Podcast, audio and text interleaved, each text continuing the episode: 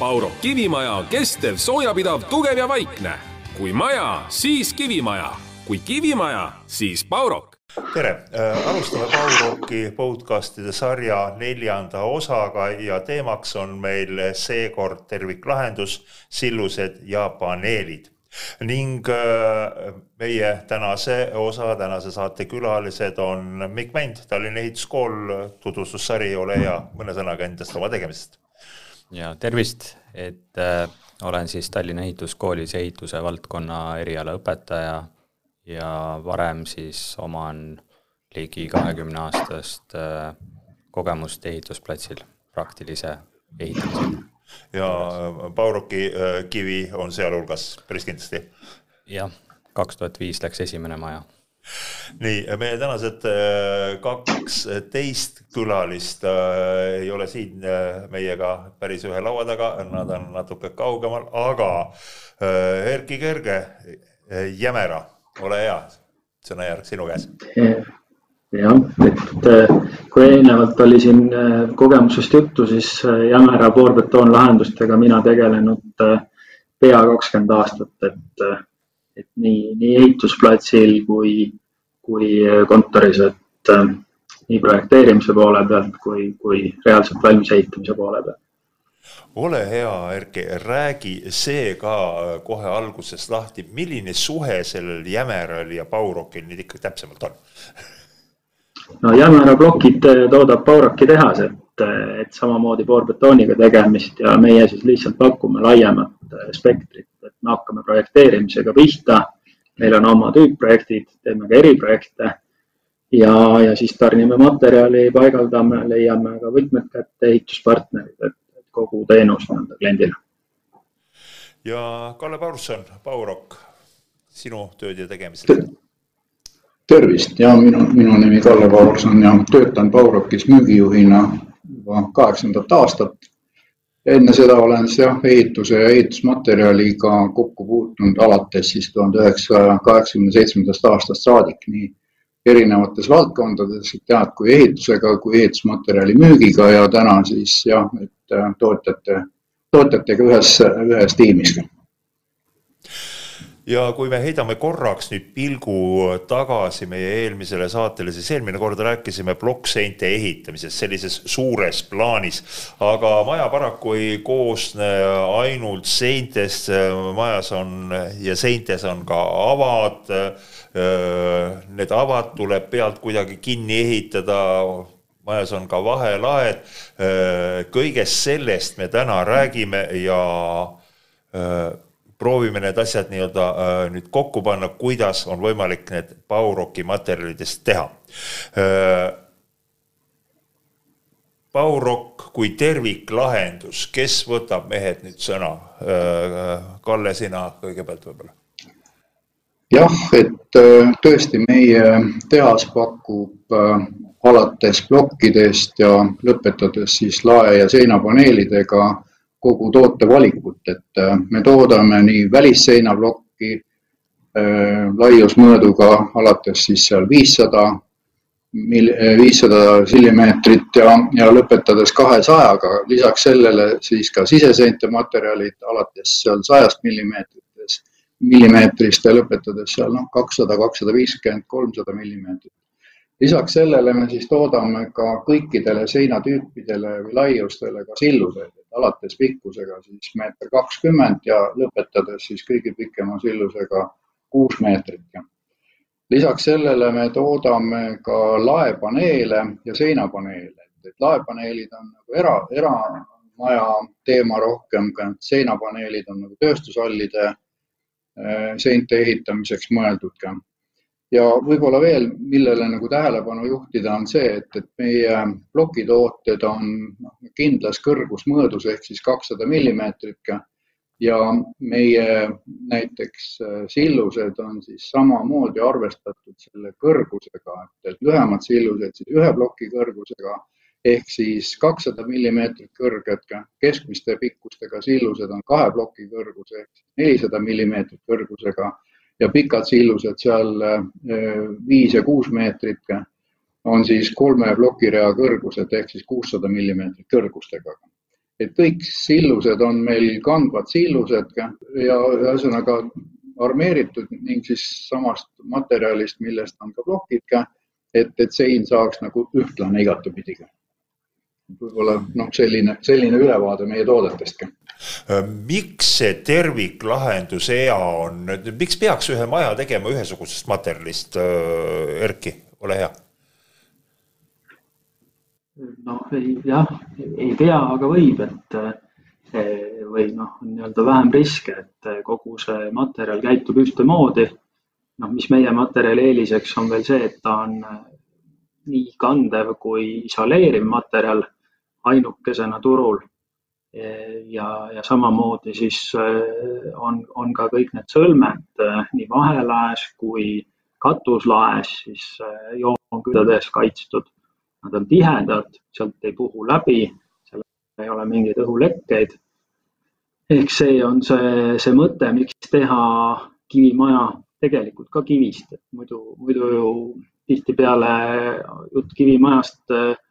käib nii, et mõeldakse ainult seinu, aga mis kivimaja see on, et ikka kivimaja on see, millel paneelid on ka katusel eh, kivist.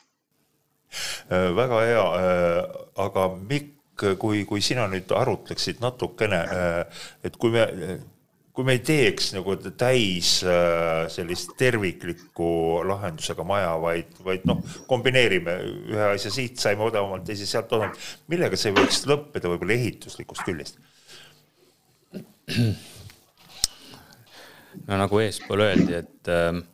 et kui see kõik terviklahendusena valmis ehitada, siis need riskid on minimaalsed, et üldse midagi juhtuks, kui on korrektselt nõuetekohaselt paigaldatud kasematerjal, ei tohiks olla üldse probleeme. mida rohkem erinevaid materjali omavahel äh, kokku puutub, seda rohkem hakkab või suureneb oht siis, et hakkavad tekkima erinevad äh, deformatsioonipraod, erinevad mahu kahanemised, erinevad äh, soojusisoleerimise võimed, et et et äh, lõpuks on raske, raske hinnata nagu seda tulemust ja, ja ehitajal tehniliselt oluliselt keerukam ehitada. nüüd sa paraku iga hetk no, ei tea, kust virnast sa midagi võtad, jah? jah, sa ehitad nagu mingit äh, ma ei tea, mängumaja lapsena, järjest laiendad ja Lego klotsid kümme aastat ostetud ja, ja siis paneme kõik kokku. aga öö, ma tahaksin nüüd natukene öö, meie kuulajate-vaatajate jaoks selgitada mõnda asja, sellepärast et öö, võib-olla paraku alati ei saada aru, mis on mis nüüd, kui me mehed omavahel räägivad äh, tarkadest asjadest. mis asi see sillus on üleüldse, et, et Kalle, kas sa äh, prooviksid vormistada seda pisut teistmoodi? sillus on siis ava, avade katmiseks, et saaks nagu edasi müüri, müüri laduda ka avade kohalt, et no varematel aegadel jah, tehti ainult betoonsilluseid ehk siis tehti avakohale saalung, pandi sinna sisse armeering, valati betooni täis, oodati, kui see ära kivistub ja oligi ava, ava kaetud ka. et täna on see asi tehtud nagu oluliselt lihtsamaks, et teeme selle töö ära juba meie tehases ka, noh, teatud standardpikkustega. iga silluse sees on siis konkreetse pikkusega armeering ja on valatud sinna ümber samasugune poorbetoon nagu plokk, plokid isegi. ja seda on siis ehitajal väga lihtne ja mugav objektil juba kasutada, et, et see viiakse objektile kohale, tõstetakse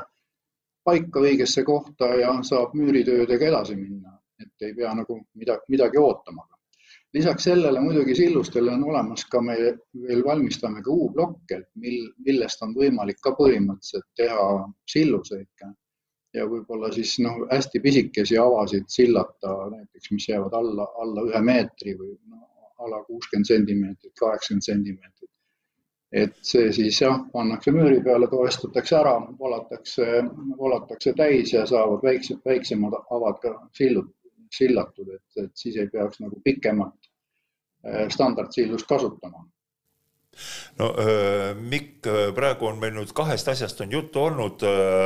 Kalle jutust käis läbi äh, nii äh, betoonsillus kui äh, Bauroki sillus, kui võtta müürimehe seisukohalt, mis nendel kahel nüüd vahet on? võtame sille, noh, ma ei kujuta ette, kolm meetrit näiteks.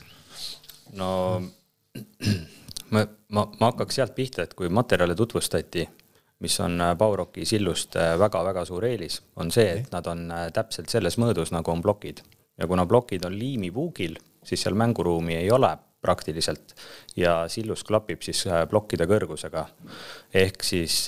ladujal, müürimehel on oluliselt lihtsam kogu seda seinakonstruktsiooni ehitada.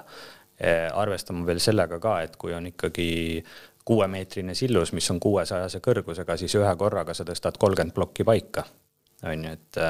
et see on ju seinapind, mis sinna tekib ja, ja sealt edasi minna on lihtne, kuna jah, need mõõdud on,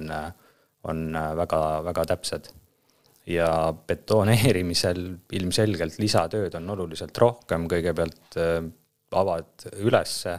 hakkad raketist ehitama, armeerima, toestama, siis tuleb betoonivalu, siis pärast on vaja kõik laiali võtta ja nii edasi, et äh, tegelikult ma tahtsin kuulda ühte asja, kuna iga asi ehituse peal maksab. Ja Miku jutust sai siit juba aru, et ilmselt betoonsillusega läheb asi natukene kallimaks, teisalt ilmselt kui me teeme täisseina sügavuse betoonsilluse, siis kui muu sein on soe, siis kena külma talvega silmus, sillus on seestpoolt küljest ärmas, aga see iga asi maksab, ma võtaks siit nii-öelda nupust kinni, et millised sillused veel kannatab kahe mehe nii-öelda rammuga paika tõsta, et kraanat ei ole vaja tellida, see maksab ka raha. nii, Mikk no praktikast rääkides, siis number üks, see oleneb meestest, number kaks, see oleneb nutikusest, on võimalus seal ise ju kohapeal mingeid abivahendeid, redeleid, asju kasutada, aga ütleme niimoodi, et et klassikalised poolteist meetrit avad üherealised sillused, kui me räägime veel kahesajasest, ei ole üldse küsimust koha peal äh, ära tõsta. Äh, kui nad lähevad nüüd suuremaks, raskemaks, siis äh, üsna sageli sai naaber objekti pealt korraks kopamees kutsutud, kes suutis oma tehnikaga selle paika tõsta, et kraana jäi jälle ära. et äh, siseseintele ja, ja, ja väiksemad aknavad sildab käsitsi kahe mehega, kolme mehega kindlasti ära. No kui me hakkame neid äh, silluse asja ikkagi veel edasi aretama, siis äh, Erki küsimus, küsimuse heidan praegu sulle, et äh, Pauroki sillus näeb ilus, sile, valge igalt poolt küljest välja, aga ütleme nii, tegemist on kandva sillusega, on teada, et see armatuur on seal alumises ääres, et ta ikka sellele raskusele vastu peab. kuidas te platsi peal vahet teete, et see sillus nüüd õigetpidi ikka paika läheb? no sillust tulevad ikkagi tehasest nii, et seal on märgid peal, seal on nooled peal, et milline pool on allpool ja armatuuri on seal tõesti palju sees ja, ja ega ta on muidugi üleval ka suhteliselt lähedal ikkagi sellele, sellele välispinnale, et, see on korralik teraspuur, mis seal noh, olenevalt silluse täpsetest mõõtudest on see natuke erinev, kui palju seal rauda sees on, aga, aga rauda on ta, ta võrdlemisi palju täis ja, aga märgid on peal ja, ja kui enne siin eh, Mikk ütles, et eh, osad sillused saab käsitsi paika, noh, eks see on muidugi õige, aga, aga tegelikult õnnestub ju seda teha nii, et, et saab need sillused panna kõik ühel hetkel, et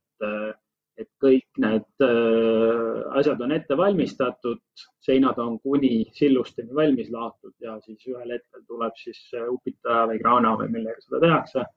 ja saab kõik sillused kohe järjest paika tõsta, et, et ei ole see tänapäeva ehituse juures nagu teema, et ega tegelikult ega müürimees ei tassi ka plokke käsitsi, et ega plokid tõstetakse ka ette ja seda on vaja ka paar korda üldiselt teha äh, maja juures, et kui just ei ole põrand enne valatud, et saab roklat kasutada ja sellega üldse neid plokke seal liigutada. et, et äh, tänapäeva töö hinna juures ei, ei ole nagu mõtet lasta, lasta kõiki neid asju käsitsi teha, vaid on lihtsam, kiirem ja efektiivsem seda, seda ikkagi kraanaga. taas räägime sellise professionaalse ehitaja tasemel äh, et äh, nii tehakse äh,, nii on mehed harjunud äh, tegema ja nad teevad nii, kõik tuleb välja. aga võtame selle teise aspekti ka, et meil on ikkagi nii-öelda äh, üle Eestimaa on ka osavate kätega mehi, kes võtavad ja ehitavad kas omale või naabrimehele maja ülesse. mis juhtub, kui mees nüüd võtab kätte, et ah, tühja kah, et ma keeran selle silluse teistpidi. et mis siis, mis siis ikka on, sillus on sillus ühtemoodi neljakandiline, mis juhtub? no eks see kandevõime on tunduvalt väiksem ja, ja võib, võib tekkida seal oht nii-öelda, et sillus puruneb ja, ja ta enam, enam raskust ei kanna, et, et tagurpidi sillust ei, ei tohiks seina jääda, et kui ta saab ka mingil kogemata põhjusel sinna korraks nii ja, ja sinna tuleb paneeli raskus või katuse raskus peale, et siis ta tuleb kindlasti ikkagi ümber keerata, lahti võtta ja, ja uuesti paigaldada, et ega siin muud, muud lahendust ei ole. Kuidas selle kandevõimega nüüd on, sõltuvalt koormusest, mis tuleb peale, on ka silluse kõrgus, eks ole, ja need on omavahel, silluse pikkus ja kõrgus on omavahelises suhtes. Kas selleks, et paneelide raskuse see sillus ja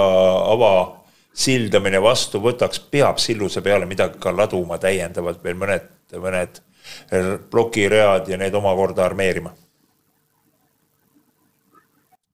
No sillused ikkagi meie süsteemis on arvestatud nii, et, et see plokirida, kui sinna peale tuleb, ega ta paha ei tee, aga, aga teda nii-öelda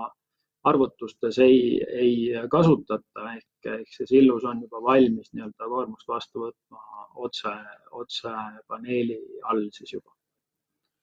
no, betoonsillusest äh, te juba rääkisite, valatud raud, raudbetoonsillustest, aga mis variante veel on? sillad tava? no tegelikult maja sees me nüüd tihtipeale ei kasuta tegelikult poorbetoonsilluseid just selle tõttu, et saada seal avadel avarust juurde ja paneme nii-öelda kas siis tee või hea terase siis paneelide vahele ehk siis lae kõrgus nendel siseavadel. no kui just seal ei ole uksega tegemist, uste puhul küll on sillus seal peal aga kui on suuremad avad, siis jah, teras äh, ja, ja need kohad jäävad avaramad ja, ja lagi on täpselt samal kõrgusel ka seal nii-öelda sillatud kohas kui, kui puhta paneeli koha peal. järgmine teema, vahelagi. Et Baurokil on omad laepaneelid olemas kui nüüd võrdleme taas kahte materjali, Bauroki paneel ja siis äh, raudbetoon, õõnespaneel äh,. mis on nüüd head ja halvad küljed, Mikk ähm,? pigem head küljed selles mõttes, et äh, kaalu poolest on ta kergem ehk siis koormus seintele on väiksem, soojapidavus on suurem Äh, mis äh, isiklikult äh, meile meeldis, oli, et, et nad on ikkagi hästi täpsed ja ta läheb kandma ka otsa seina peale. ehk tegelikult sellest Baurokist on võimalik ju nii täpselt laduda, et sellisel juhul laenurgad ümberringi, perimeeter on kõik korrektne. ja, ja nende kaal on selline, et, et neid on oluliselt lihtsam paigaldada ka kui on vaja seal natukene nihutada midagi, saab sellega hakkama. oleneb küll pikkusest, aga ikkagi võrreldes betooniga oluliselt kergem no betoonsilluste betoonpaneelide puhul on konkreetselt ära näidatud, kui pikalt ta seina peale peab toetuma.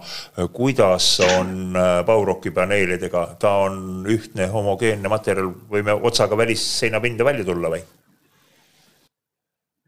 Tegelikult võime küll jah, et selles mõttes eh, noh, pigem on seal eh, küsimus selles, et seda ei ole mõtet teha, kuna sinna võib, võib nii-öelda eh, mõni, mõni pragu tulla, et reeglina me ikkagi väldime seda, et ikkagi maskiplokk läheb sinna, sinna välja ja see läheb liimiga ja seal tekib niisugune võimalus siis vahelagi eraldada seintest, nii et vahelagi saab eraldi mängida ja, ja, ja välissein on omaette aga külma silla mõttes äh, võib ta küll minna jah, sisuliselt välisseinani välja. nüüd küll noh, niisama ei ole mõtet teda sinna nii palju peale panna, et, et aga noh, mõnikord on mingid niisugused eratsituatsioonid, kus, kus ta jõuab noh, peaaegu nii-öelda välispinnani välja. Üks hästi keeruline koht vahelaes on kindlasti trepiavad, see tähendab, et äh, mõne paneeliga me ei saa nii-öelda kahte otsmist toetuspinda kätte, meil on vaja ta kuskile mujale toetada. kuidas need trepiavad tehakse? kes, kes võtab? trepiavad ju selles mõttes, et ega, ega ju ei, ei ole kombeks enam ehitada trepiavasid sellise L-kujulise noh, mingi niisuguse väikse uberikuna, et, et ikkagi maja suurused on ikkagi sellised meil Eestis, et, et me saame teha konkreetse noh, kas siis ristküliku kujulise trepiava ja, ja, ja noh, sellised erikujud reeglina ei ole teemaks, et noh, muidugi vekseldamisega ehk siis teiste paneelide vahele riputamisega, noh, igasuguseid olukordi saab lahendada aga, aga see nüüd jah, ei ole, ei ole nüüd niisugune teema, et, et ma kujutan ette, et võib-olla, võib-olla kuskil Inglismaal me näeme ikka veel neid väikseid treppe, siis Eesti inimene ikkagi tahab normaalsest trepist teisele korrusele saada. et ikkagi planeeritakse seal kuni kuus ruutmeetrit äh, treppi alla ja, ja see võimaldab seda, et, et on seal trepist ka mõnus käia, et ei ole see selline kannatuste rada ja, ja mööbli saab üles ja kõik saab tehtud. Erki, Erki, see oli tegelikult väga selline palsam eestlase hingele, et noh, meie elustandard on ikka kõvasti kõrgem kui Suurbritannias, eks ole, et me jätame õhuruumi ka majja. no ega meie, jah, meie noh, kinnisvara hind on natuke teisel tasemel ja, ja, ja kultuuriline noh, nii-öelda noh, pigem on, on need meie majad ikkagi sarnased näiteks Soome majadega ja, ja see on, see on samamoodi, et ikkagi trepi, trepi arvelt nüüd enam ei ole, ei ole kombeks kokku hoida, et, et need majad, mida viimase kahekümne aasta jooksul üldiselt on ehitatud, et, et harva kohtab seda, et selle trepiga on seal nii hirmsasti veiderdatud, et peab kuskilt läbi pugema võib-olla tehase poole pealt või tootmise poole pealt äh, veel selline asi ka, et, et üks asi see, et, et laepaneelid on hästi kerged. teine asi on see, et neid saab veel kasutada ka no, kaldenurga alla, noh, kaldlagesid teha kuni neljakümne viie kraadi alla paigaldada. ja veel üks eripära, millest korraks oli juttu ka, et, et seina peale toetada või ühe, ühe otsaga nagu õue saada, et me saame toota ka konsoolseid paneele et siis väljaulatuva osaga kuni üks, üks koma viis meetrit, et, et kui on tarvis teha selline vahelagi, mis äh, otsapidi jõuab nagu õue, millest siis üks osa moodustab siis terrass või rõdu, mis iganes seal, et, et siis seal selle välisseina koha peal ei teki külmasilda. et, et see on veel selline nagu eripäraga. ja üks asi veel võib-olla, mille, see oli tegelikult, tegelikult äh, minu meelest suurepärane sõnum, et, et äh, milline nii-öelda mängimine ja nagu oskuslik tege-, tegutsemine on raudbetoon vahelae puhul, et me saame selle külla, külma silla seal katkestatud, et siin laseme siis rõdu rahulikult välja ja mitte mingit muret. just ja võib-olla veel on see ka, et, et katuslagede puhul, et, et kuna materjal on ise hästi soojapidav, siis ta ei vaja nii palju eh, pealtpoolt soojustamist, et, et see on ka üks, mis kindel. villakihi paksus, ütleme, on väiksem eh, sada, sada viiskümmend millimeetrit, kuna, kuna koorbetoonpaneel ise on ka väga hea soojaisolaator ja, ja mis põhiline, et kui ka juhtub sinna sisse aja jooksul tekkima mingite juuste kokkulangevuste tõttu mõni niisugune koridor. Ehk eh, seal ei ole enam villa, et käib seal siis eh, rott või hiir või, või keegi selline loom või orav või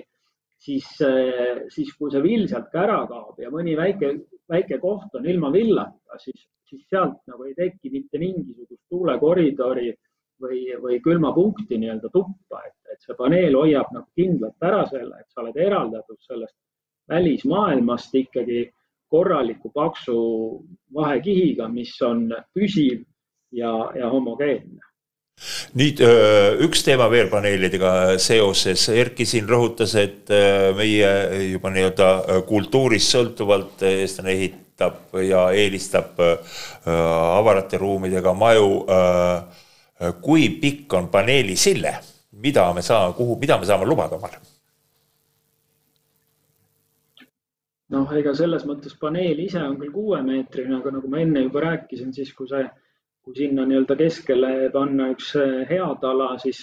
siis me oleme väljas juba üheteistkümne koma kaheksa meetri peal. paneme ühe hea veel vahele, oleme kaheksateist meetri peal ehk noh,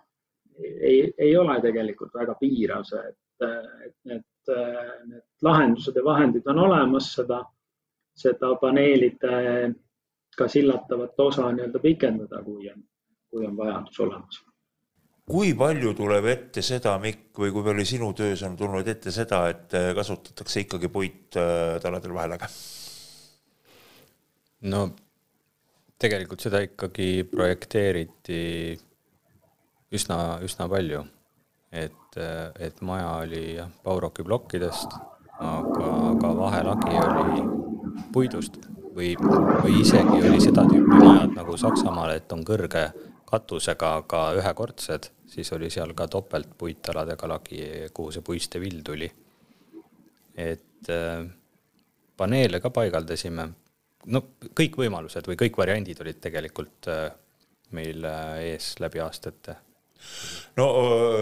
olen, olen olnud mitmel objektil, kus seinad, maja on üles laotud Bauroki plokkidest ja on siis sillatud fermidega. see tähendab, et laeks jääb otse fermi alumine vöö. seal on meil nüüd üks suur küsimus õhus aurutõke sinna tuleb, sest Bauruk ju muidu aurutõket ei vaja, eks ole. aga kui meil on nüüd üks selline konstruktsioon maja osas, kus tuleb peale panna aurutõke, et kuidas see aurutõke ja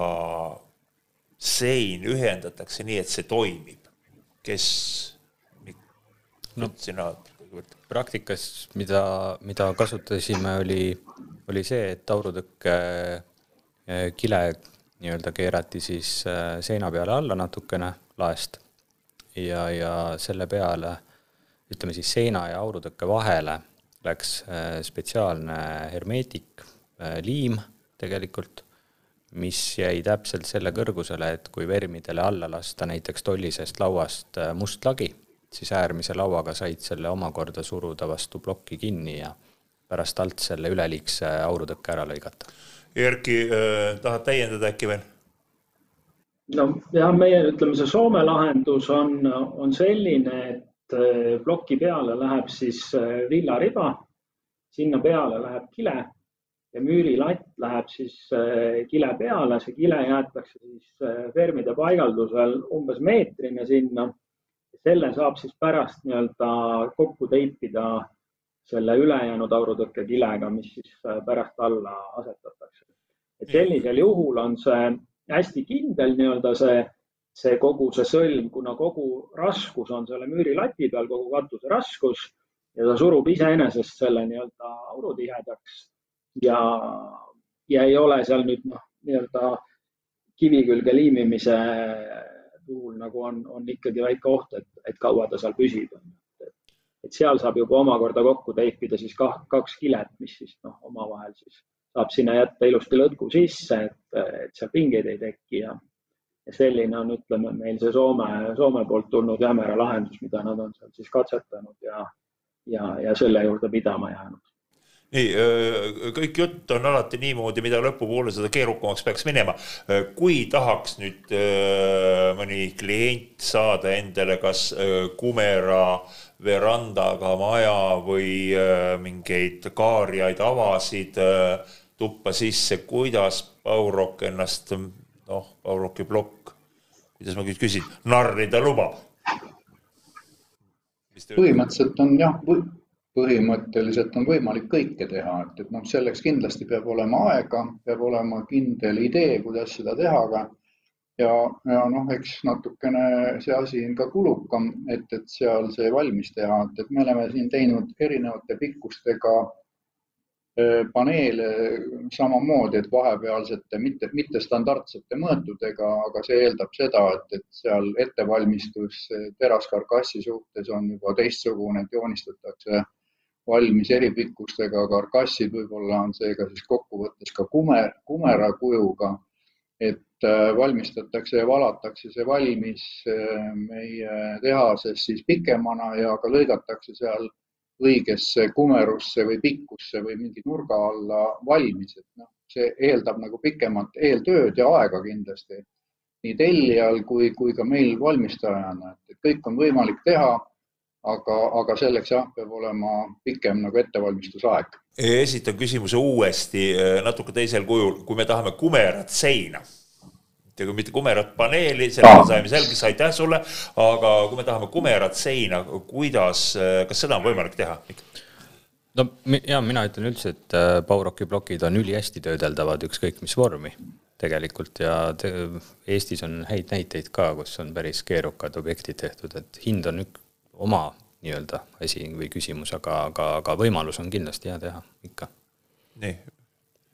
lisate midagi? siin kõrvalpõikena võib-olla toon, toon näite vahele, et Palamuse lasteaed oli selline hästi suure kumerusega sein ehitati, teine koht oli Narva-Jõesuu nooruse spa, kus oli kumerat seina hästi palju ja võib-olla Tallinnas kõige lähem koht on Noblessneri kvartalis restoran sada kaheksakümmend kraadi, kus tehti praktiliselt ümmargune baarileti tagune sein ja veel, kui natuke ajaloos kaugemale minna, siis hea näide on Tallinna teletorni eh, viimane korrus seal, kus lift peatub, et selle ümber tehtud ümmargune sein on ka Bauroki toodetest ja, ja ongi päris ümmargune kohe no nii, äh, mina lisaksin siis viimase kirsikese tordile meie kuulajate-vaatajate jaoks, et kui teil tekib äh, suvisel ajal tahtmine reisima ei lähe, siis äh, ostke mõned Bauroki plokid ja te saate teha oma esimesed skulptuurikatsetused ära, igal juhul minu meelest väga tänuväärne materjal. kiired mehed veel, me rääkisime terviklahendusest, majas on ka trepid ja valmistame tõesti trepp, trepielemendi toorikuid kuni meeter kahekümne pikkuseni. Standardsete laiustega kolmsada ja sada seitsekümmend viis. Ja vastavalt tellija soovile siis eh, kolm-nelja erinevat pikkust, kaheksasada, üheksasada, tuhat ja kuni tuhat kaksadaga. et saame neid valmistada, see on siis tõesti trepitoorik, mis vajab kindlasti viimistlemist, et kas siis hiljem pannakse sinna peale midagi puidust, midagi plaadist, mis iganes materjali. Ja, ja kindlasti jah, see trepitoorik peab äh, toetuma siis kahest otsast toetuspinnale kuskile, et ta päris nii keskelt toetusena või toestatavatena ei ole nagu kasutatav, et kindlasti mõlemast otsast peab toetuma seina peale või millegi peale ja veel, mul on siin äh, kaks äh, küsimust meie vaatajatelt tulnud, väga tore, kui saame ka tagasisidet. Ning esimene asi, kui me võrdleme vaheseinte puhul siis helipidavust, Pauroki vaheseina elemente või plaat ja no võtame mõne muu teise võrreldava vaheseina ploki no ega tavaliselt iga kingsepp räägib ikka oma kingadest, et meie räägime ka oma seinast, et, et meil on erinevaid lahendusi, on sajane plokk, eks ju, mis on võib-olla mitte nüüd, nüüd nii hea helipidavusega, aga kui on paremat vaja, saab kasutada saja viiekümnest spetsiaalset helipidavat akustikplokki. et seal on, seal on see helipidavus juba, juba nagu teisest klassist, et et äh, tooted on olemas, lihtsalt tuleb valida õigesse kohta õige toode. ei, vaheseina helipidavuse. muud ei olegi öelda. vaheseina helipidavuse äh, määratluseks on see, et, et äh, kas normaaltugevusega mängiv raadio kostab läbi või ei, või siis natukene kõvemini peale keeratud raadio. seal on kuskil. no vot, see nüüd on see küsimus, et, et majades on ikkagi tubades uksed ja see heli tuleb ikkagi uksest läbi, et, et eh, ainult helikindel uks jõuab sinnasamasse eh, helipidavuse suurusjärku, nagu on seinal. ehk, ehk kõik see heli tuleb alati ikkagi ustest läbi, et kõigepealt tuleb hakata vaatama uksi, järgmine koht on eh, ventilatsioon, kas toad, tubade vahel on eraldi mürasummutid, et see, see küsimus, millal me jõuame nagu seina helipidavuseni, on, on väga kaugel ning viimane küsimus, mille ma teile edastan, mehed, on tulnud ilmselt ühe naisterahva sulest. kui julgelt võib köögikapi ikkagi pauroks seinale riputada, et kõik serviisid sealt ühes kapiga alla ei tuleks. hirm on inimesel lihtsalt. no selles mõttes, et kui, kui on raskemad tooted, siis tuleb kasutada lihtsalt eh, konkreetsele tootele mõeldud tüübleid ehk poorbetooni tüüblid on kõik saadaval, lihtsalt tuleb eh, vaadata, et eh, milline tüübel sobib. meil on kodulehel olemas ka tabel selle kohta, kus on kirjas palju üks tüübel või kruvi nii-öelda koormust vastu võtab ja, ja kapi kaal on siis võimalik välja arvutada ja selle järgi see kapp kinnitada, aga lihtsalt noh, niimoodi vahemärkusena öeldes, et kuna, kuna tavaliselt kapp kinnitatakse a la nelja kruviga, siis on seal varu tavaliselt umbes kaks korda, ükskõik millist noh, nii-öelda vähegigi sobivat toodet valides Äh, tegelikult sellega ongi meie tänane äh, nii-öelda ring täis saanud. Äh, me oleme vaadanud avade sildamist, vahelagesid, lagesid, jõudsime treppide ja keerukate pindadeni välja, kõik nii-öelda probleemid, kõik küsimused leidsid lahenduse. me kohtume teiega veel ja siis läheme, nagu öeldakse, järjest keerukamaks ja meie järgmise saate teema on niisked ruumid